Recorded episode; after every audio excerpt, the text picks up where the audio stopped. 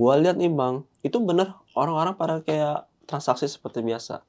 Tapi mereka transaksinya dengan cara barter.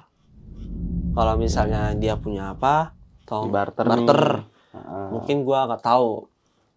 Karena gua masih bingung gua ada di mana. Oh. Oke, akhirnya gue jalan. Sebentar, eh di kemudian itu apa ya orang-orangnya itu biasa bang, nggak nggak wujudin aneh-aneh. kayak wujudnya kayak manusia biasa Manusia gitu. biasa aja kayak kita aja, tapi dengan apa ya usianya itu emang udah agak tua-tua sih bang. Jadi orang-orang zaman dahulu yang usianya hampir 50-an.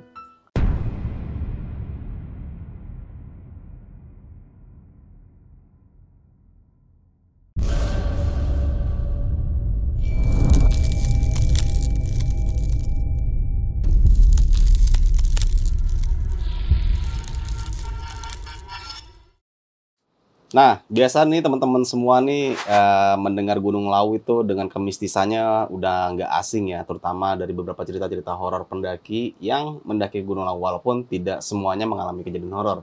Dan kali ini gua mendatangkan narasumber yang di mana narasumber gue ini mempunyai pengalaman pendakian horornya waktu di Gunung Lau dan dia sempat masuk pasar setan. Nah biasanya lu kalau pagi ini ke pasar Kebayoran lo, nah ini pasar setan di Gunung Lau nggak kebayang kan ada pasar di atas gunung yang pastinya nih gaib. Nah, kita langsung aja nih sapa narasumber gua kali ini yang mungkin udah nggak asing semua bagi teman-teman semua nih. Halo, Bang. Oke, bang. Nah, Bang, perkenalkan nih Bang bagi teman-teman nih. Kan waktu itu lu sempet ya, udah lama juga hampir setahun ya, tahun lebih ya. hampir. Lebih Nah, malah. mungkin teman-teman yang penonton baru nih belum Mm-mm. pada tahu lu siapa nih Bang, boleh diperkenalkan dulu Bang. Oke, eh, teman-teman, perkenalkan. Nama gua adalah Faris Batiar. Sekarang lagi profesinya adalah mengajar di sekolah dasar. Dan tambahannya, karena dua tahun kemarin itu kan saya sebagai guru, tambahannya adalah sekarang jadi pelatih angkat besi juga. Mantap. Jadi ngajar anak-anak SD SMP untuk mengembangkan sebagai atlet angkat besi, Bang. atlet angkat besi nih. Iya, benar sekarang. Oke. Udah Ini lumayan buat lama. pon atau apa nih? Untuk jarak dekat sekarang itu Popda, yaitu Pekan Olahraga Pelajar Daerah. Mantap. Sebanten. Sebanten nih. Iya, Oh gokil, semoga sukses bang nanti bang ya. Amin, Anak bisa, Didika bisa. juga semuanya juara semua. nih. amin dapat medali emas juga. Amin amin. Nah nih bang, kita membahas tentang Hmm. Gunung Lau nih bang. Abang Faris ini kan sempat memasuki salah satu pasar di Ya, Gunung Lau. benar. Itu gimana ceritanya atau gambaran pasarnya seperti apa sih bang? Jadi pasarnya ini pasarnya agak sedikit beda ya teman-teman. Kalau misalnya pasar yang pada umumnya kalau ada jual sayur, terus cabai-cabean, ada juga yang jual daging. Nah, faktor utamanya dari pasar setan ini adalah yang di mana yang pedagang pasarnya itu bang, dia Oke. beda menjualnya. Jadi Hmm. khususnya ini adalah daging-daging manusia.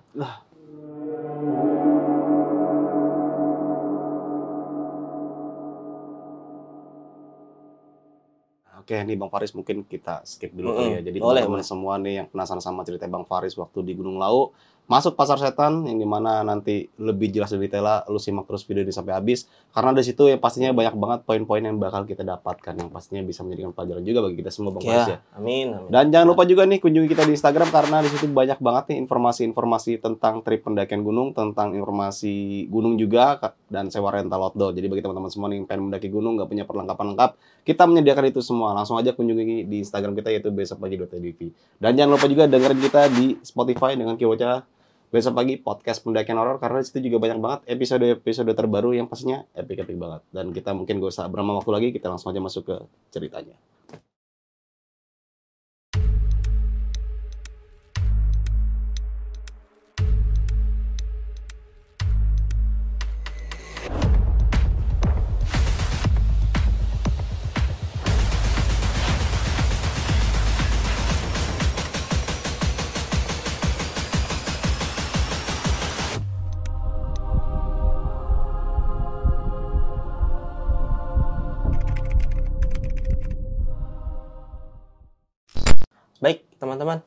Sebelum teman-teman mendengarkan cerita saya, ini adalah cerita pengalaman yang terhoror-horor banget. Jadi ini cerita yang dimulai pada saat pada saat saya masih kuliah.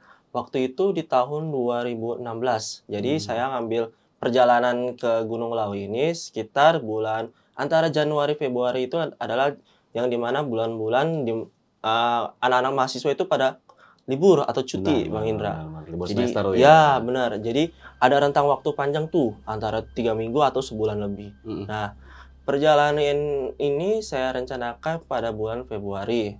Anggotanya itu ada empat orang Bang Indra, termasuk saya juga. Jadi ada saya, adik saya, dan dua teman saya ini. Nah, dua teman saya ini namanya Wawan, dan satu lagi adalah temannya si Wawan juga, tapi Hmm. saya agak lupa namanya. Nah, awal mulanya saya berencana ke Gunung Selamat dulu nih, niat pertama. Tapi karena Gunung Selamat itu terkesan lebih horor, jadi saya belum searching nih tentang tentang Gunung Lau asal niat ingin naik gunung gunung aja gitu sih Bang Indra. Oh, Oke oke. Jadi apa ya maksudnya itu yang penting kita naik gunung dulu, tapi entah uju- tujuannya ke mana atau traveling atau apa. Penting jalan aja dulu Penting lah. ya. jalan aja dulu. Nah. Rencana kan rencana sekian lah. Hmm. Yang penting kita bisa naik aja dulu. Oke.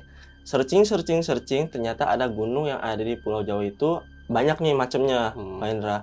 Salah satunya adalah Gunung Lau. Nah, oke kita tentuin tanggal nih berempat. Oke, tanggal fix sekian kita pesen tiket. Nah, pesen tiket itu langsung empat orang naik dari Pasar Senen.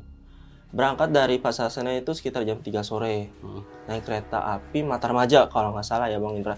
Terus sampai di Solo Jebres itu jam 4 subuh.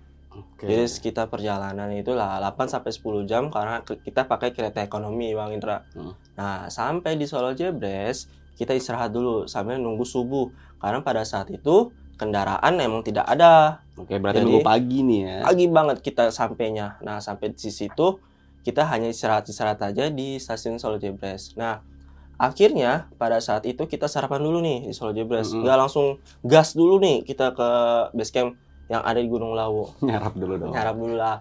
I- apa isi perut dulu nih Iya. biar nggak apa ngos-ngosan lah. Nah, Kalau kita naik ngos-ngosan juga capek banget. benar benar. Oke, lanjut sampai di jam 5 subuh kita uh, beli sarapan. Nah, kalau misalnya di Solo itu sarapannya emang agak sedikit aneh kalau kita pesen nasi uduk nih ya. Hmm. Kita pesen air putih yang dikasih air teh uh, air teh manis kalau nggak salah.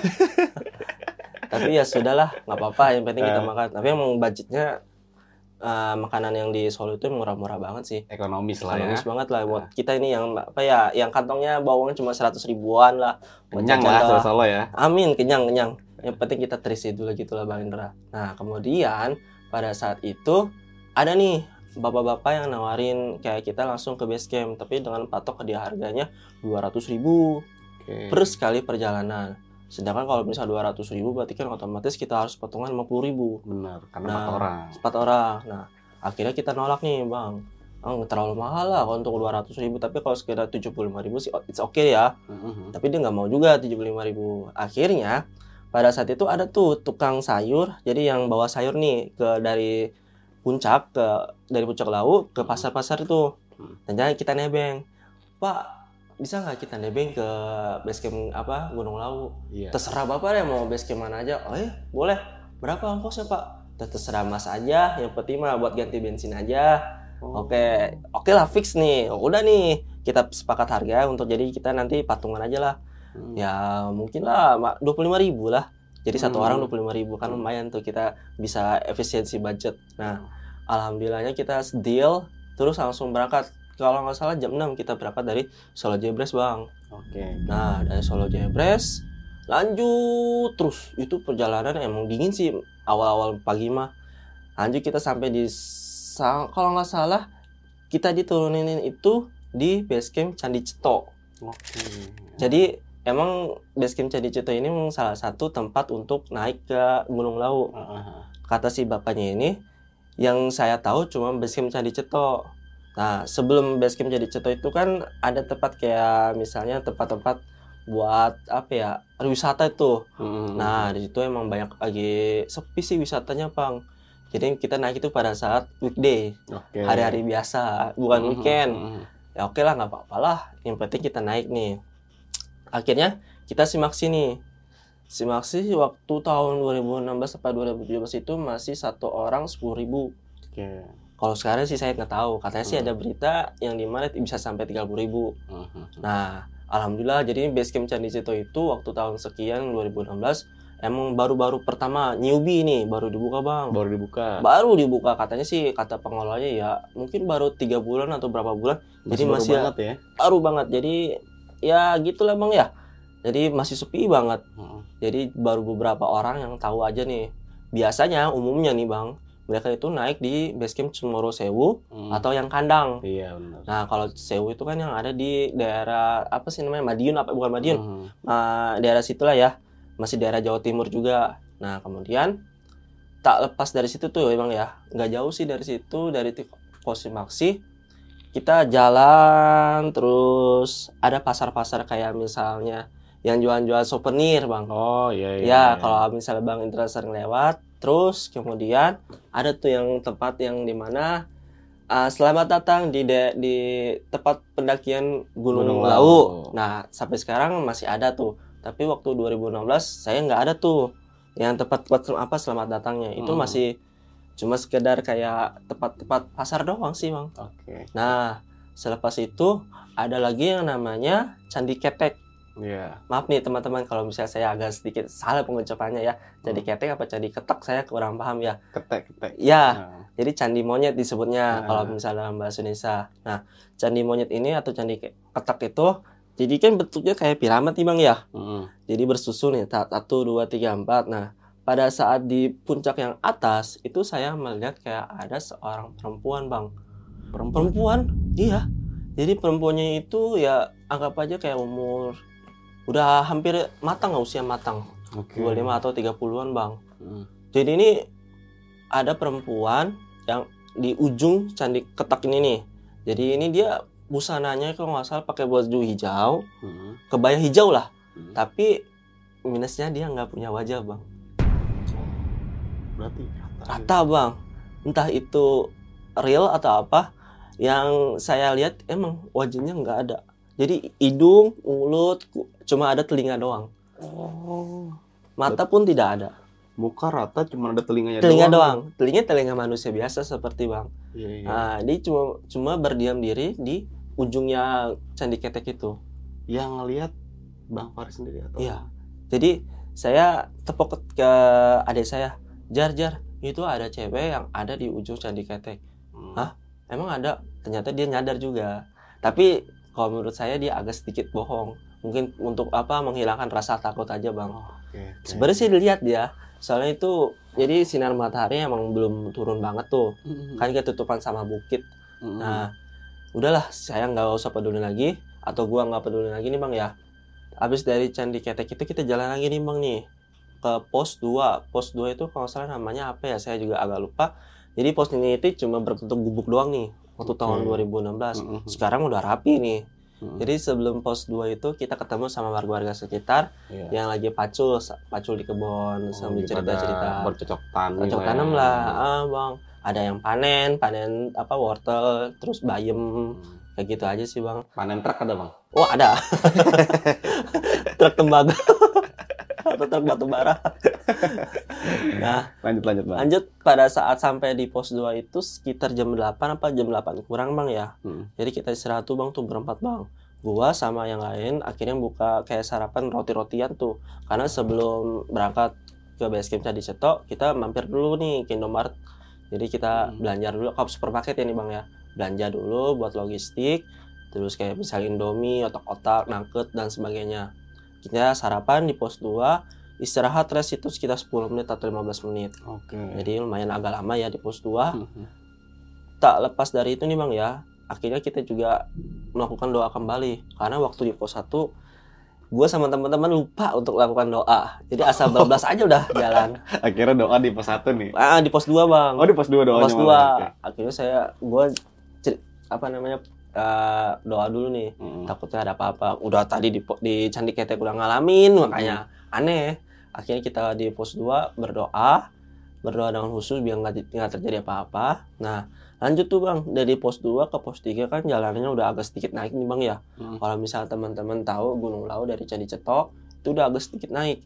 Jadi lumayan agak pegel nih tutut apa lutut kita nih. Kalau misalnya kita naik dari Candi Cetok Mhm. Nah, kemudian selepas dari jam berapa ya? Jam 9 atau jam 10 itu memang udah agak sedikit panas, Bang ya.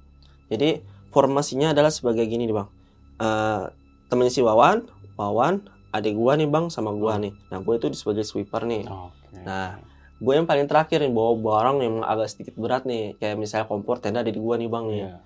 nah pada saat itu sekitar jam 9 jam 10-an ya ada nah nih yang saya takutin jadi ce cewek yang ada di candi ketek ini ngikutin saya bang Oh, yang cewek yang di atas Yang- candi Ah. itu. nggak ini bang jadi dia kalau misalnya kita ini kan jalannya kayak nampak nih tapi dia melayang bang melayang di di sebelah sisi tebingnya ini yang kanan kirinya hutan yang kanannya hutan nih Oh, iya, iya, iya. Heeh.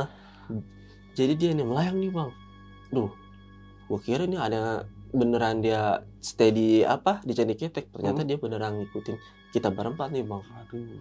aduh makin khawatir nih bang karena takutnya ada apa-apa nih apa dia eh, ngikutin sampai puncak doang ngeri Mhm. salah satu dari kita ada yang hilang takutnya nanti Hmm.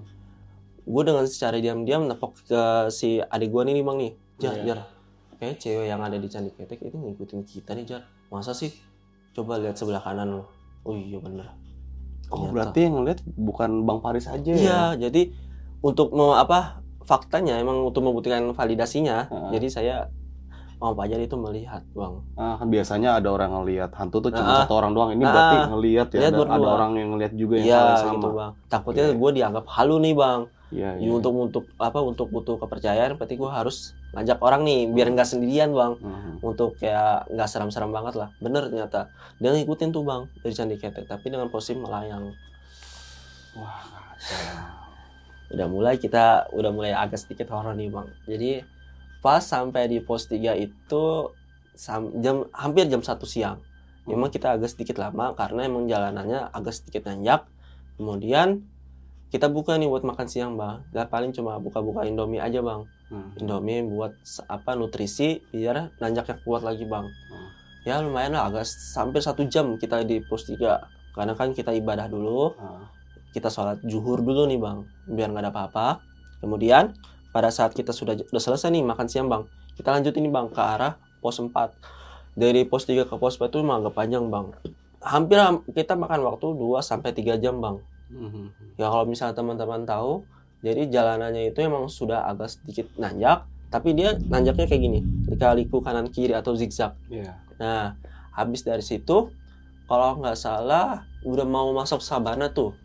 Sabana berapa ya? Eh, belum sabana berapa. Jadi udah masuk rumput-rumput yang tinggi itu, Bang. Mhm. Nah, anehnya ya, saya mata mata gua nih, Bang ya, tertuju kepada arah jurang. Ini udah hampir mau masuk kiri itu kalau nggak salah jurang, Bang. Mhm. Jadi tertuju ke arah jurang yang di mana ini jurang ini nggak ada nggak ada ujungnya nih, Bang. Ya. Tapi yang gue lihat adalah ada salah satu makhluk yang benar-benar gue bikin heran bang. apa tuh bang? Jadi ada makhluk setinggi kalau misalnya abang sering main ke Priok nih bang ya. Mhm. Truk-truk yang seperti muatannya itu yang kayak bawa-bawa tanah. Oh. Ya tanah-tanah buat yang di daerah pik itu Iya, bang ya. truk-truk gusuran. Ya tanah Ah. terbusaran. Ada makhluk yang sebesar itu dia itu sedang jalan bang. Jalan tapi dengan postur badan agak sedikit gembul dan dia bawa alat itu kalau nggak salah kayak pentungan gitu bang. Jadi yang di kayak misalnya di atas itu tuh yang bulat-bulat itu tuh Martil. kayak mirip kayak martil bang. Tapi dengan arah dia mau ke puncak Gunung Lawu. Yang melihat itu cuma saya doang itu makhluk yang itu tuh. Oke. Jadi dia sambil sambil apa ya? eh, ketawa-ketawa sedikit lah, ho ho ho ho ho. sambil bawa. Tapi dia nggak ngelihat kita nih bang, nggak ngelihat gua ber- berempat Hmm. sambil jalan. Entah itu makhluk apa, gua nggak pikirin lah bang. Yang Hmm. penting gue sampai di pos yang ada yang terbuka tuh buat sabana itu tuh. Iya, iya, iya. Eh, apa sebutnya Bulak sabana? peperangan. Ya, bulak peperangan, Bang.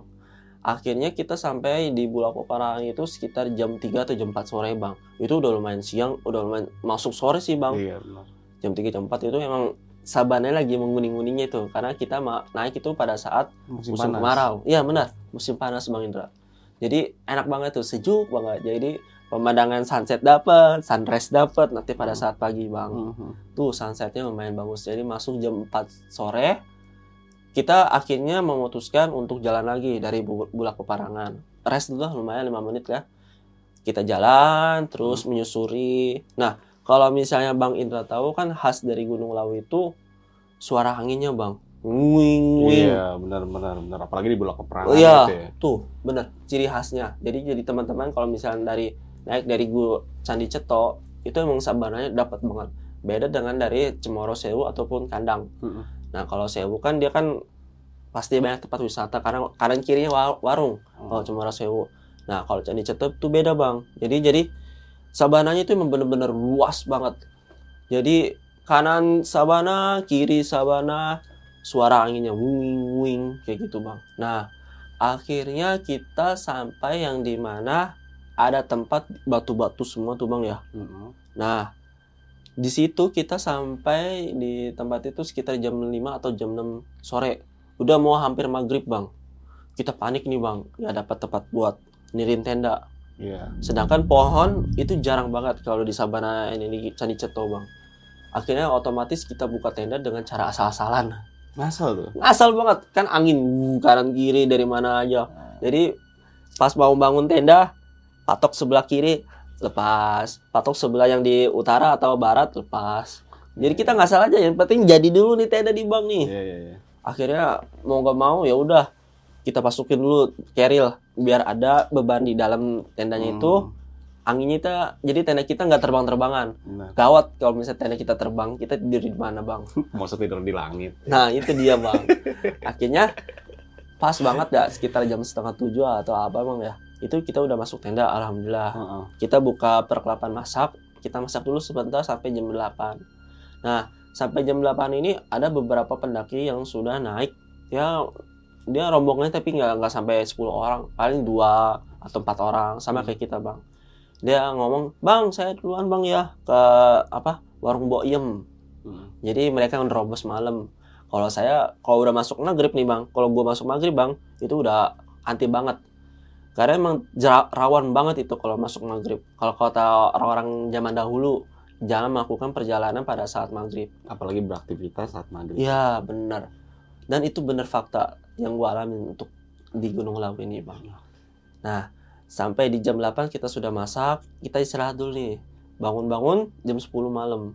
Itu jam 10 malam bener. Angin dari mana aja terus yang paling parah adalah Pajar si Pajar ini atau adik gua nih bang ya. Dia hipotermia. Hipotermia. iya. Jadi udah dikasih apa namanya sleeping bag. Ah, terus sarung. Gua bawa sarung dua bang. Biar buat sholat enak ya. Iya iya. Ya, karena juga hipotermia. Jadi dia sambil ngigo. Gua mau pulang sekarang nih gua mau pulang sekarang. Mau gak mau. Gimana pun gua harus turun dari sekarang. Iya, iya. Kata gua ya gua gua kampar aja nih. Pakai di janggutnya gua kasih korek bang. Der jadi Nah. dia sadar Di- biar tetap dia nggak nggak ngerasain bang. Oh. maupun udah dikasih korek atau apa. Akhirnya gua terpaksa untung gua bawa teman gue ini bawa paracetamol. Jadi biar si pajar itu tidur dulu. Dimabokin dulu. iya dimabokin dulu. Kalau gitu kita bisa Iya apa ya namanya? Panik semua emang. Itu Hmm. di antara antara ngigo halu atau kesurupan. It- ini tipis banget Oke. halu ngigo atau kesurupan. Mm-mm. tipis banget sumpah. Jadi ya, mau nggak mau kita kasih paracetamol. Dan itu mempan. Ya minimal tiga tablet langsung. Jadi yang benar-benar teman-teman jangan, jangan ditiru ya buat nanti kalau misalnya teman-temannya anggap aja kayak di antara tiga itu benar-benar tipis. Iya. karena gue udah ngalamin bang. Karena mungkin karena tiga kejadian ya. Iya. Tadi? Kayak halu, halu ngigo tigo, atau kesurupan. Pas batu tiga kejadian Iya. tiga tablet. iya bener. Udah satu buat satu buat satu treatment bang. Gue juga udah udah gue gue nggak ngambil pusing aja dah bang. Jadi, Ampuh tapi bang tuh ya. ampuh bener bang. Jadi kan habis makan dia habis makan Mm-mm. baru kita kasih paracetamol tiga langsung. Seharusnya emang cuma satu aja. Gue udah ampun gue udah lah yang penting dia istirahat dulu jadi kita aman buat Iya. nanti malamnya kejadian puncak ini ada di sini nih bang nih. Setelah teman-teman gue tidur. Dan yang bikin gue aneh entah kenapa gue jam 2 malam itu merasa seperti ada yang ngelilingin tenda gue bang. Jam. jam 2 malam. Sekitar se- 3 per 4 malam bang. Oke. jadi suara pertama itu ada suara lonceng. Waduh. suara lonceng ini sekitar 10 atau 15 menit gue mau senterin tenda nih nih bang ya Hmm. Itu emang nggak ada orang di luar tenda bang. Hmm. Itu kosong, cuma ada tenda kita doang di tengah lapangan itu. Kemudian suara kedua itu kalau misalnya kita ada di pertunjukan seni Jawa bang, suara gong, ding ding ding ding. Nah itu suara yang bikin gua khawatir yang di mana gua takut ada apa-apa nih sama pendakian gua nih bang. Akhirnya gua merasa apakah gua gue perlu tidur atau enggak. Dan mau benar ini puncaknya nih bang. Akhirnya gua keluar dari tenda, tapi dengan syarat emang gua apa ya kalau setiap malam itu emang udah adat gua nih bang mau buang air kecil Pasti tuh ya. pas banget emang tadi kan kita kan pagi jam apa jam 8 kita makan jadi asupan masuk sedangkan pada saat itu dingin emang tubuh kita ngerasa pasti harus ada yang dikeluarin nih cairan Hmm. entah itu keringet ataupun air seni bang Hmm. akhirnya yang dikeluarin adalah air seni jam 2 malam tuh gua kencing nah pada saat buka tenda oh nih bang ingetin kata kuncinya jam 2 malam pastikan malam Hmm. itu suasana gelap Iya. ketika gua buka tenda bang tiba-tiba berubah jadi siang Gila. Ini serius bang ya? serius tunggu bang. Gue agak sedikit inget-inget lagi kejadian ini. Emang agak sedikit apa yang bingung tapi ini benar real terjadi bang.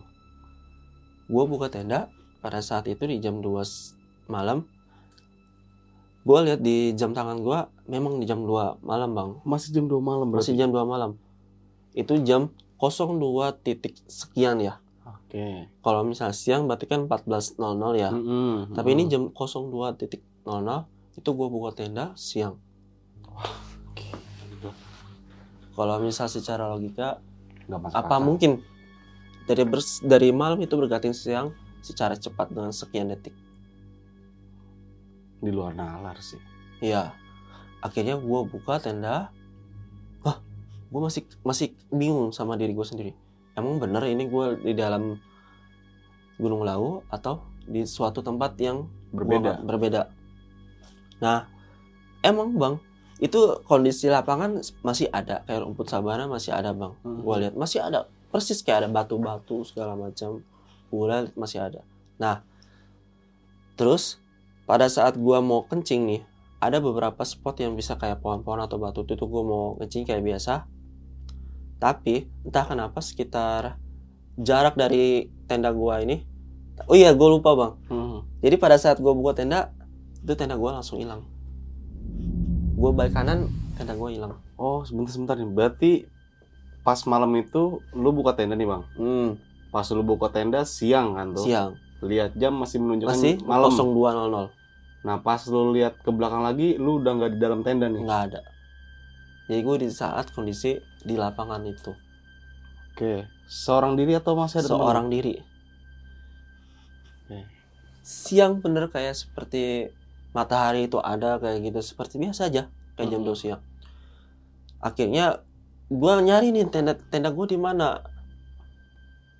Apa hilang sebentar atau yang benar-benar hilang atau gua yang hilang? Oke. Tapi pada saat itu lu menyadari kalau lu itu memang udah mengalami keganjalan pada saat itu. Pada saat itu gua udah ngalamin jalan. Sadar Ah, gitu. sadar banget sadar banget karena kan di awal itu ada suara fluid itu awal mulanya bang. Awal Oke. mula ketika gua akhirnya masuk ke dalam alam yang ya gua nggak tahu itu alam apa. Oke.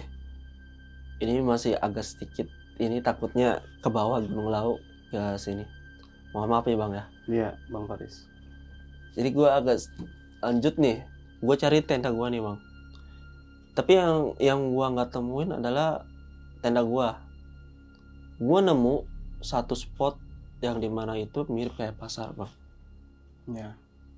pasar ini nggak mungkin lah kok bang di antara lapangan itu kok tiba-tiba ada bangunan pasar Hmm, hmm, hmm. pasarnya tetap kayak pasar biasa aja tuh yang kalau misalnya Bang Indra ada yang dia buka lapak cuma begitu doang kayak cuma modal terpal. Nah, gitu dong sih pasarnya, gua lihat nih bang. Nah, kalau misalnya bang Indra kan pasar itu pasti ada yang namanya kayak lapak yang jual sayur, Buah. buah, Iya. terus bumbu-bumbu, Mm-mm. dan juga ada yang jual daging. Benar. Oke, gua lihat nih bang, itu bener orang-orang pada kayak transaksi seperti biasa. Tapi mereka transaksinya dengan cara barter. Kalau misalnya dia punya apa, Di barter. barter. nih. Mungkin gua nggak tahu. Karena gue masih bingung gua ada di mana. Oh. oke akhirnya gue jalan. Sebentar. Eh, di kemudian itu apa ya orang-orangnya itu biasa bang. Nggak nggak wujudin aneh-aneh.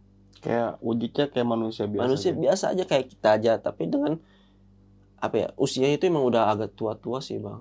Jadi orang-orang zaman dahulu yang usianya hampir 50-an Oke. jadi kayak mirip kayak nenek-nenek kita gitu. Iya. nah nenek, nenek apa kakek kita yang usianya kayak gitu. Gua jalan yang ngurusin lapak sayur kemudian ke arah bu nah di sini adalah gua yang merasa ag- agak jijik dan agak sedikit aneh bang. Yang di mana ini yang lapak yang jual daging-daging bang. Jadi lapak yang daging ini kalau misal kita lihat nih ya ya kalau misalnya bang Indra ada yang jual daging sapi Mm-mm. ayam, terus ada yang mungkin yang jual bebek atau segala macamnya. Tapi yang gua lihat ini adalah yang jual organ-organ manusia.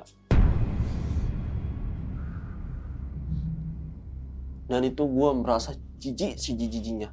Ada ginjal, ada usus 12 jari, ada Hmm. usus besar, ada tangan manusia. Jadi tangan manusianya kayak biasa. Kalau Abang Indra jari itu ada yang ada yang dipotong dan, Iya, dan iya. kukunya tuh masih ada. Ah.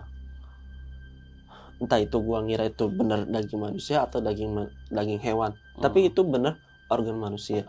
Aduh, kacau. Gimana tuh pertama kali ngeliat eh, penjual yang dagangin daging atau organ manusia kayak gitu?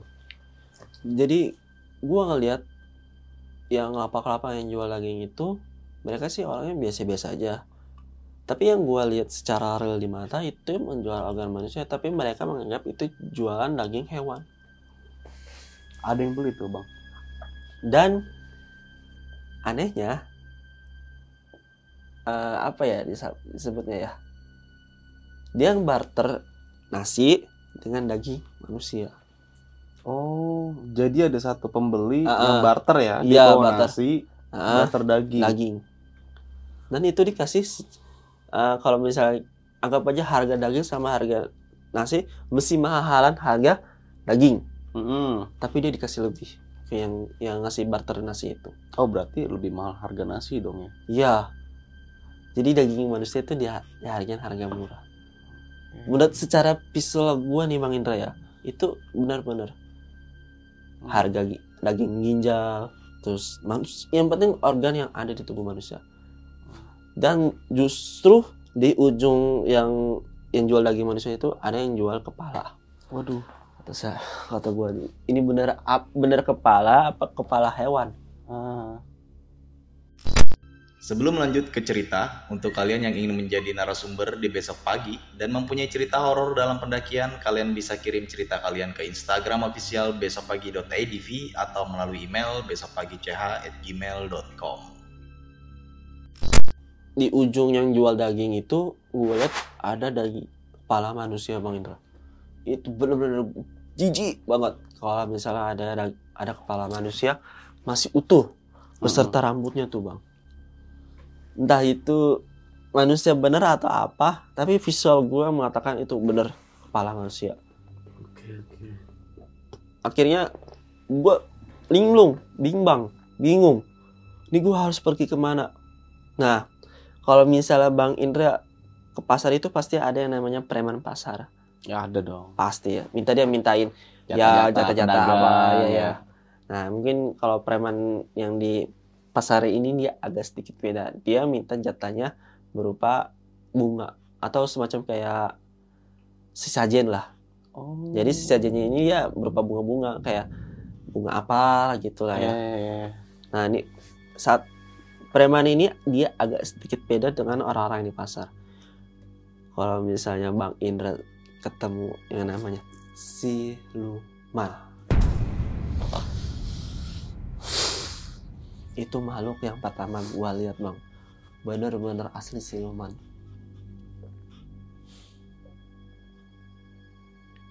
Berarti di pasar itu banyak banget makhluk-makhluk selain bangsa jin ada juga bangsa siluman nih bang. ada bang.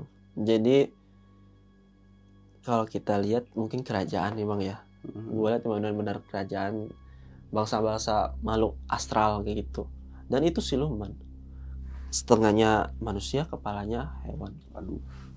yang gue lihat itu siluman kepala kerbau. Ya ya. ya kayak gitulah. Jadi dia punya tanduk Hmm. atau apa.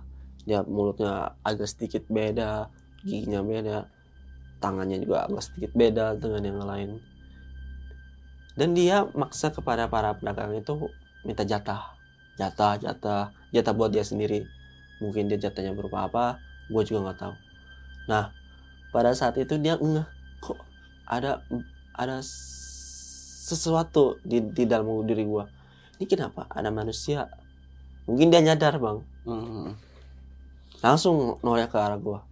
Dengan dengan nada yang sedikit agak berat dia langsung nodong ke gua. Kamu siapa? Dengan suara agak berat. Kamu ke sini dengan cara apa? Dengan naik apa dia mengancam kalau kamu mau tinggal di sini bisa tapi dengan satu syarat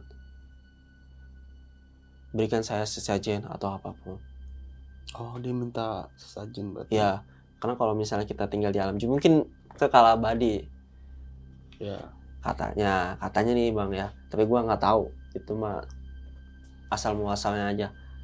Kalau kamu mau pulang bisa, tapi cuma jasad kamu aja yang pulang.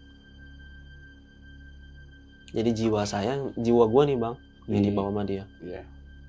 Nah, gue dengan kasar nggak, gue nggak eh, nyembah lu, gue nyembah Tuhan, nyembah Allah subhanahu wa taala. Oh gitu, oke. Mau nggak mau, badan kamu akan tertinggal di sini. Kamu ikut sama saya. Tapi dengan suara berat, suara khas-khas orang-orang berat gitu loh bang. Hmm. Akhirnya gue lari nih bang, tapi masih tetap dikejar. Masih dia masih di dalam sekitar pasar itu. Nah, kalau nggak salah selang beberapa kejadian itu ada yang nolong gue nih bang. Sosok sosok kayak misalnya ah, mungkin kalau kita nganggapnya kayak Wali Songo atau apa tuh bang ya atau Kiai ya. Hmm. Dia datang nolong gue dengan cara narik gue untuk hindarin si siluman ini. Oke. Dia dengan suara mer, suara lembutnya Mas kok bisa sampai di sini? Dengan cara apa? Iya pak. Tapi dia wajahnya gak kelihatan bang. Silau Bersinar gitu. bersinar seperti bersinar. Ditanya gak tahu pak. Saya ke sini secara tiba-tiba nggak sengaja. Oh berarti kamu tersesat ya? Iya. Oke mau pulang? Oke nggak apa saran dari dia kalau kamu mau pulang ti- ingetin teman-teman kamu jangan buat seenak di gunung di tempat ini karena tempat ini emang tempat khusus untuk ziarah kalau teman-teman tahu Gunung Lawu itu emang khusus untuk yang orang-orang ziarah. Ya. Ya, karena kan di atas Boyem itu kan ada petilasan atau apa ya. Hmm. Nah, jadi usahakan teman-teman kamu sering-sering doa kalau di sini. Akhirnya saya dituntun keluar pasar nih, Bang. Hmm. Lari dari siluman itu Hmm. sama si si bapak ini nih. Akhirnya keluar pasar. Oke.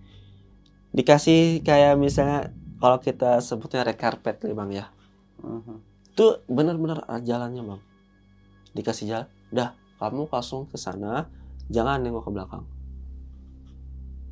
akhirnya saya ngikutin saran si bapak ini Iya. saya ngik- ikutin jalan kalau nggak salah sekitar 5 atau sampai berapa menit saya ikutin muncul akhirnya itu ada tenda saya bang Baru ketemu. Baru kan? ketemu. tenda saya Situasinya gambarannya masih malam. masih siang Oke. masih siang akhirnya gua ketemu gua buka nih tenda gua nih bang tak baik badan ketemu malam lagi di jam yang sama di atau- jam sama tapi udah agak sedikit berapa menit gitu. Jadi mungkin dua lewat dua menit. Oh oke oke. Padahal tadi kalau lu menjelaskan lu berada di pasar setan itu lu lumayan cukup lama lumayan ya? cukup lama ya berjam-jam lah bang. Ah, tapi cuma Cuma jeda waktunya dua menit doang lah dua menit atau lima menit bang. Jadi rentang waktunya itu beda banget bang sama Hmm. alam di sana. Mhm. gua buka tenda malam langsung dengan suara angin yang besar. Akhirnya gua masuk teman-teman gua pas semua masih pada tidur. Si Hmm. Wawan temannya Wawan sama adik gua masih pada tidur. Akhirnya gua lanjutin tidur bangun sekitar jam 6 apa jam 7 pagi ya. Itu langsung sholat subuh berempat. Kita buka alat masak masak seperti biasa. Nah di sini temannya Wawan nanya lu semalam ke mana Riz Hmm. gua liatin cuma ada sleeping bag lu doang di dalam tenda. Lu ke mana? Gua kencing kok. Tapi gua lihat di, di luar tenda kok lu nggak ada? Itu kata teman si Wawan. Berarti dia sempat kebangun. Sempat kebangun. Ngelihat lu keluar Nah, memang. ya sleeping bag kan masih ada taruh di dalam. Mhm.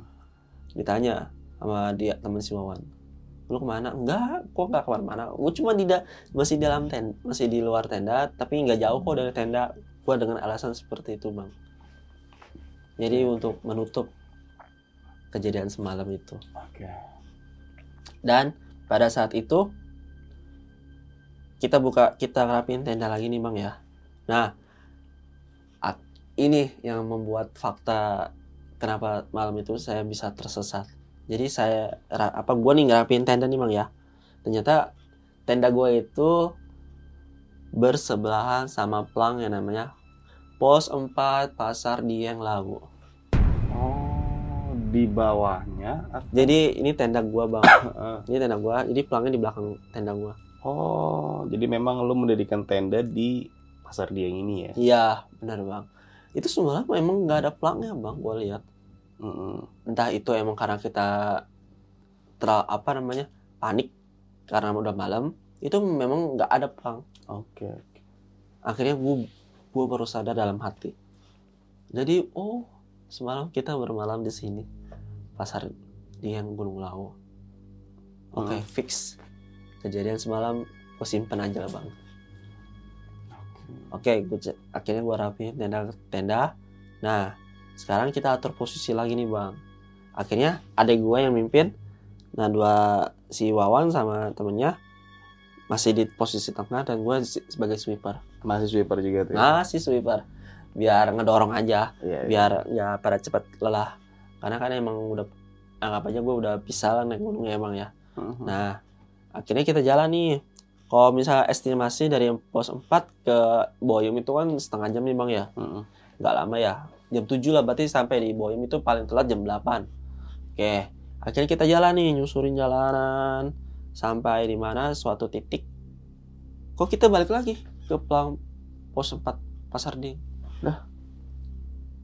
muter-muter aja dong berarti Memang Bang. oh Akhirnya kita muter lagi, nyampe lagi di pelang pos 4 Pasar Ding. Mhm. kok kita ke sini lagi bener nggak lu jalannya jar nggak bener kok. Gue ngikutin jalannya. Udah ada jalan setapak kok bang. Gitu. Eh, oke kita jalan lagi nih bang nih. Muter lagi. Sekitar berapa menit ya? Ketemu lagi pos lagi. Udah dua kali nih bang. Ketemu pelang pos empat itu. Dua kali kita ker- dikerjain. Apa benar si Pajar ngejain kita bertiga? Atau benar-benar dia nggak tahu arah jalan enggak dia yakin kok si itu udah kok udah ada jalannya kita nyusurin jalan aja nyampe kok kok mbok iem nah di ketiga kali ini bang ini ini nih baru titik temunya nih temu titik terang kenapa kita bisa kesasar berempat Mhm. jadi pada saat sebelum kita jalan, kita doa dulu sebentar nih bang. Doa cuma Al-Fatihah lah sebentar aja ya. Satu menit lah selesai. Oke, kita yakin kita nggak akan tersasar. Kita berempat nggak sasar. Oke, kita go. Berangkat. Dengan posisi formasi yang masih sama. Gue di sebagai sweeper bang. Oke, gue jalan. Nah, nggak jauh dari berapa menit ya, atau dua menit dari pos 4 Pasar Dieng itu, Mhm.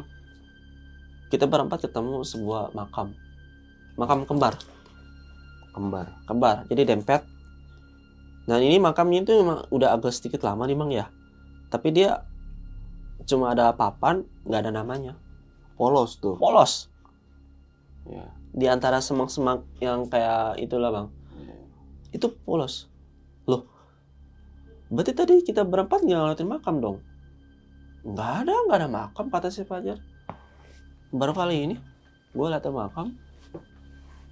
Akhirnya dengan rasa penasaran dan rasa takut akhirnya kita coba mampir lah sebentar ya ziarah lah gitu bang ya. Mhm. kita nggak tahu nih kita apa namanya itu makam siapa tuh bang ya kita kirim al-fatihah istighfar subhanallah segala macam alhamdulillahnya pada saat itu ada nih bang kalau misal kan tiga jalur itu kan ketemu tuh di satu titik ya Ya. Sewu Kanang Cetok ketemu di satu titik. Nah, ada pendaki yang kalau salah dari Cemoro Sewu, dia bilang lambai tangan, bang, lu ngapain di situ? Ya sambil sambil teriak-teriakan, Hmm. Situ, jangan di situ, di situ jurang. Dan benar, gue sadar di belakang gue ternyata jurang bang. Waduh. Setelah setelah ziarah itu, akhirnya di depan gue terabas tuh sabana biar nggak ya, maksudnya nggak kita nggak ngikutin jalur lagi kita Benar, terabas benar, aja lah nggak apa-apa walaupun sabana kan masih bisa rapi lagi nanti Hmm. akhirnya gue terabas tuh sabana ya Akhirnya baru ketemu jalur. baru ketemu jalur di satu titik tuh dan anehnya bang gue nyasar bisa sampai 4 jam Gila sih itu. sampai di Boyem jam 12 Makan tuh di Boyong. hmm, makan di Boyem pas makan siang Hmm. astaga itu kita udah dikerjain sama ini nih oke lah nggak apa-apa kita anggap aja sebagai pengalaman bang Mhm. Oke, makan di Boyem, naik ke puncak Hargo Lawu, Hargo Dalam disebutnya bang. Mhm. Ya, kayak cuma 30 menit foto-foto, buat video maker segala macam, buat vlog. Kita turun lagi sampai ke Boyem, kita ngeteh dulu biasa ngopi bang. Iya. Karena kan per- perbekalan udah mau hampir habis nih. Karena kan kalau kita secara logika naik itu lebih lama, sedangkan turun lebih cepat. Benar. Oke, kita minum aja teh manis atau apalah. Oke, langsung kita diskusi nih berempat bang.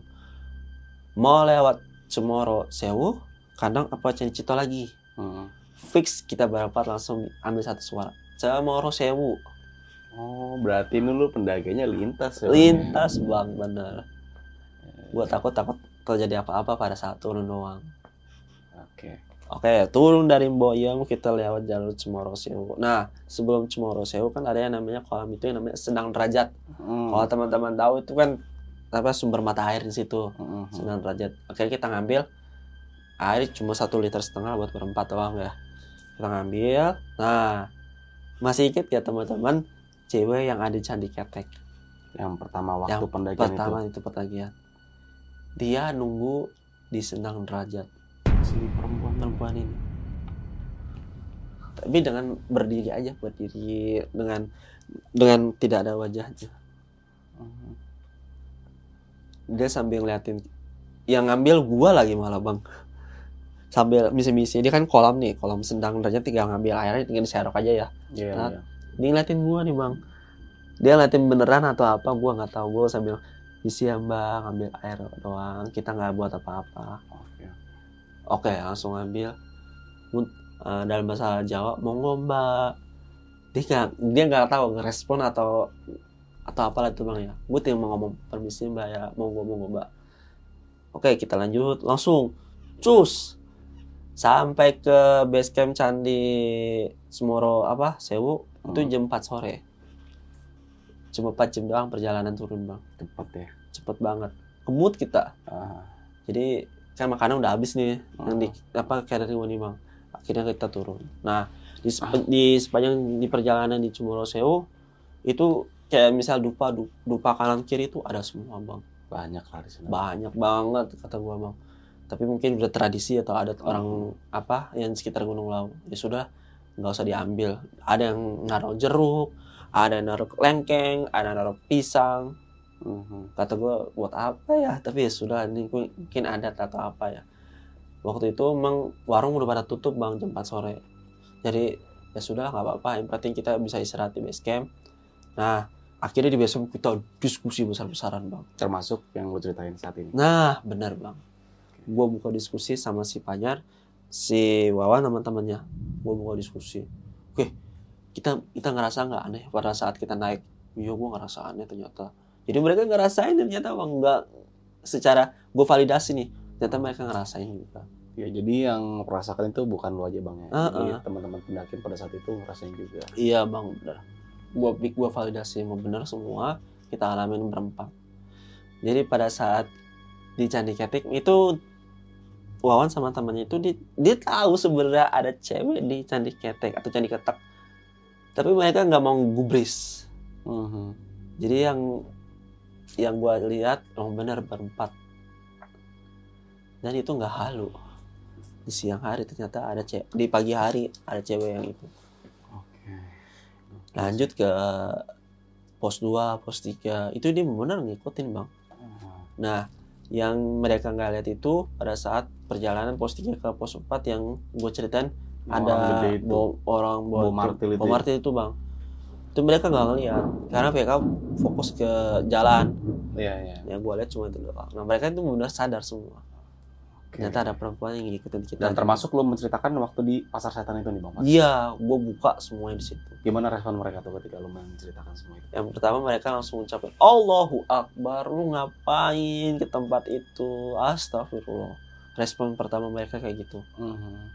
Lu masih bisa selamat Riz Coba lu Gua, gua bertiga cuma bawa pulang nama lu doang Nah di Cemoro Sewu ini bermalam lagi atau Di? Cemoro Sewu ini kita akhirnya eh, Istirahat dulu sebentar bang ya Sampai nunggu di hari esok Karena Oh, tiketnya di hari esok Bermalam lagi nih. Iya, hmm, bener-bener bang. Akhirnya gua sharing nih ke yang punya base camp nih. Pak siapa ya? Gua lupa namanya. Udah lama sih, udah Pak hampir enam- Sewu lah ya. Iya, udah hampir enam tahun sih bang. Jadi Hmm, nggak tahu. banget. Soalnya dia petugasnya ganti-ganti shift. Mhm. Yang ya, toko Indomaret. Heeh, bener. Entah di pagi jaga siapa, pas siapa, yang malam Iya. jaga siapa. Tapi waktu itu yang jaga anak muda sih bang, sekitar Oke. umur 21-22. Sharing apa tuh Bang Faris? Jadi gue cerita ke dia, bang, apa mas ya, mas, Pak, kalau kita misalnya naik dari Candi Ceto itu pantangannya apa aja sih? Yang pertama jangan bawa baju hijau, yang kedua sering-sering aja baca-baca kayak misalnya sholawat segala macam. Oke. Namun ternyata pada saat kita naik itu si Wawan itu dia nyimpen baju yang bercorak hijau, Nyimpen nih ya. nyimpen, Nggak nggak dipakai tuh nggak ya. dipakai, Tuh. Nggak dipakai aja cuma nyimpen aja masih Iya. ngalamin kayak gitu ya. bener. Oke. Jadi ternyata memang mereka tahu ada salah satu orang yang naik gunung di antara kelompok gua nih bang yang bawa baju gitu. Iya. Ah, Oke, Itu oke. Ini cerita yang sangat gokil banget sih Bang Faris. ah, bang. Lanjut lagi gua nanya ke yang orang base camp ini. Terus apa lagi bang? Nah pada saat kamu nanti di pulau peperangan itu jangan kaget atau apa. Emang di situ tempatnya khusus buat para peng ini penghuni bangsa jin. Di Bulak Peperangan. Bulak peperangan terusan ke pasar Dieng bang. Pasar Dieng itu. Nah, kalau kamu ngalamin kayak gitu, alhamdulillah kamu nggak kesasar. Bias banyak yang orang kesasar itu sampai berhari-hari, bang, Di tempat itu. tempat pasar yang itu. Jadi gua merasa alhamdulillah selamat dan tidak ada luka sedikit pun Sampai kembali ke rumah. sampai kembali ke rumah. Itu sering itu sampai mungkin sampai suntuk gua bang cerita ke base camp Sampai tidur-tiduran. tiduran mungkin. gitu aja udah dari dari diri duduk Iya, kemudian tiduran ya. tiduran. Tapi dengar sih dia punya banyak pengalaman. Tadi dari beberapa sekian pendaki itu ceritanya memang sama semua. Oh, Tapi emang ada satu salah satu beberapa pendaki yang punya pengalaman yang lebih ekstrim bang. Ada yang sampai dibawa ke alam lain seperti iya, gua bang. benar, benar, benar, benar. Nah itu termasuk salah satu gua bang yang dibawa ke alam lain. Nah, nih Bang Faris eh, mengenai pendakian lu eh, di Gunung Launia, gue penasaran sama ini agak konyol sih ya. Iya, Yang Bang. waktu lu ngasih obat ke temen lu nih, Mm-mm. tiga butir Iya, paracetamol, iya. itu ampuh ya. Ternyata ampuh. Dan akhirnya nggak hipotermia lagi tuh. Kalau dianggap pertemnya sih masih dia masih menggigil. Eh, tapi se- sekian berapa menit langsung tepar, nggak nggak hipotermia lagi. Pas tepar bangun udah seger lagi Udah ya? seger lagi paginya. Kata gua ya sudahlah yang penting bekerja paracetamolnya. itu lumayan sih bang. Cukup pusing sih emang paniknya itu yang nggak bisa kita tolong. iya bener lah asli. Nah, sedangkan gue bertiga nggak ada yang punya pengalaman spiritual. Hmm. Orang-orang mahasiswa semua. Hmm. Spiritual oke oke oke. Jadi Iya. memang uh, pendakian itu benar kita nggak punya ilmu yang memadai lah ya Iya. dalam hal kayak Hmm. misalkan bagaimana cara mengantisipasi orang yang terkena hipotermia Ya, dan mengalami hal-hal gaib mistis segala Hmm. macam ya Bang benar Faris ya. bang, benar bang Indra. Oke oke nih Bang Faris, makasih banget nih lu udah mau berbagi cerita lu lagi. Kita udah lama nggak ketemu juga ya, udah hampir setahun lebih dan Iya, akhirnya lu datang ke sini menceritakan pengalaman pendakian di Gunung Lau. Ini cerita sangat gokil banget karena Hmm, Bang Faris ini selain masuk ke salah satu pasar di mana gue sebutin adalah pasar gaib juga mengalami beberapa hal mistis. Salah satunya dari awal pendakian ini masih siang hari udah ditampakin oleh sosok perempuan, Perempuan. ya. sampai rata. turun ke Cemoro Sewu pun masih diikutin juga tuh Masih, Bang Faris. ya? masih, masih bang. Oke ini sangat gila banget ini eh, tahun 2000 16, 2016. 2016. Waduh lama juga udah hampir tujuh tahun lah ya. Bang. Ya gitulah bang. Eh, tapi teman-teman waktu yang ikut pendakian sampai sekarang masih aktif mendaki gunung atau udah Oh. sibuk dengan dunia masing-masing? Wawan masih aktif nih dia mendaki gunung terakhir dia gunung yang ada di Jawa Timur kalau nggak salah. Arjuna apa? Arjuna kalau nggak salah. Mhm. Nah itu dia. Nah, ini Bang Faris ini berarti masih aktif nih Bang. Sampai sekarang Masih, nih. masih aktif. Terakhir naik gunung Tra- terakhir naik gunung itu tahun kemarin sih masih daerah kota Bogor aja sih. Jadi di daerah Gunung Salak. Gunung Salak. Ah, Waduh. Gunung Aji Saka. Aji Saka. Jalurnya mantap ya Bang ya. Lumayan. Pada saat kalau sudah itulah. Eh, Ah, benar. dari semua pendakian gunung yang Bang Faris sudah jalani nih Bang nih. Hmm. Ah, salah satu cerita atau pengalaman yang mungkin nggak pernah dilupakan ini pendakian gunung mana? Kalau untuk sampai tingkat horornya, ini yang Gunung Lau sih bang. Gunung Lau ini. Eh, Berarti cerita yang lu ceritakan ini adalah suatu pengalaman yang paling horor semasa hidup lu Bang ya? jadi Oke. horor horornya itu nggak nggak ditampakin pocong kuntilanak nggak. Jadi Hmm. ini horor yang berdasarkan real sendiri. Hmm, ini di luar nalar banget sih, Kak. Bahkan gue tadi Ah. mendengar ceritanya atau mendengar kisah Bang Faris itu yang gue kaget itu ketika malam hari terbangun jam 2 malam ketika buat tenda udah siang hari. Nah, Nah, dia. akhirnya pas siang hari itu dia melihat tenda udah nggak ada, tiba-tiba berada di salah satu pasar itu pasar setan. Nah, di pasar ini eh, pasarnya seperti layaknya pasar biasa tapi memang kondisi Ah. pasarnya itu orang-orang tua, Orang tua gitu ya. gitu bang. Ah, yang benar. unik ini ada salah satu pedagang yang menjual organ Organ tubuh manusia. manusia. Wah ini gila banget sih. Ini gue baru pertama kali mendengar cerita ini dan ini cerita real dialami oleh Bang Faris ya Bang ya. Iya begitu. Oke nih Bang Faris. eh, Oke. Sebelum kita mengakhiri cerita nih ya, lu punya pesan-pesan nggak buat teman-teman semua yang menonton dan menyimak kisah lu ini di Gunung Lau tahun 2016? Oke, mungkin pesan moral buat teman-teman semua kalau naik gunung turutin uh, yang ada di gunung itu pantangan-pantangannya jangan dilanggar. Kemudian sholat jangan ditinggalin dan yakinin kalau kalau kalau lu bisa naik gunung ini pasti bisa. Hmm. Asal niat dan sungguh-sungguh.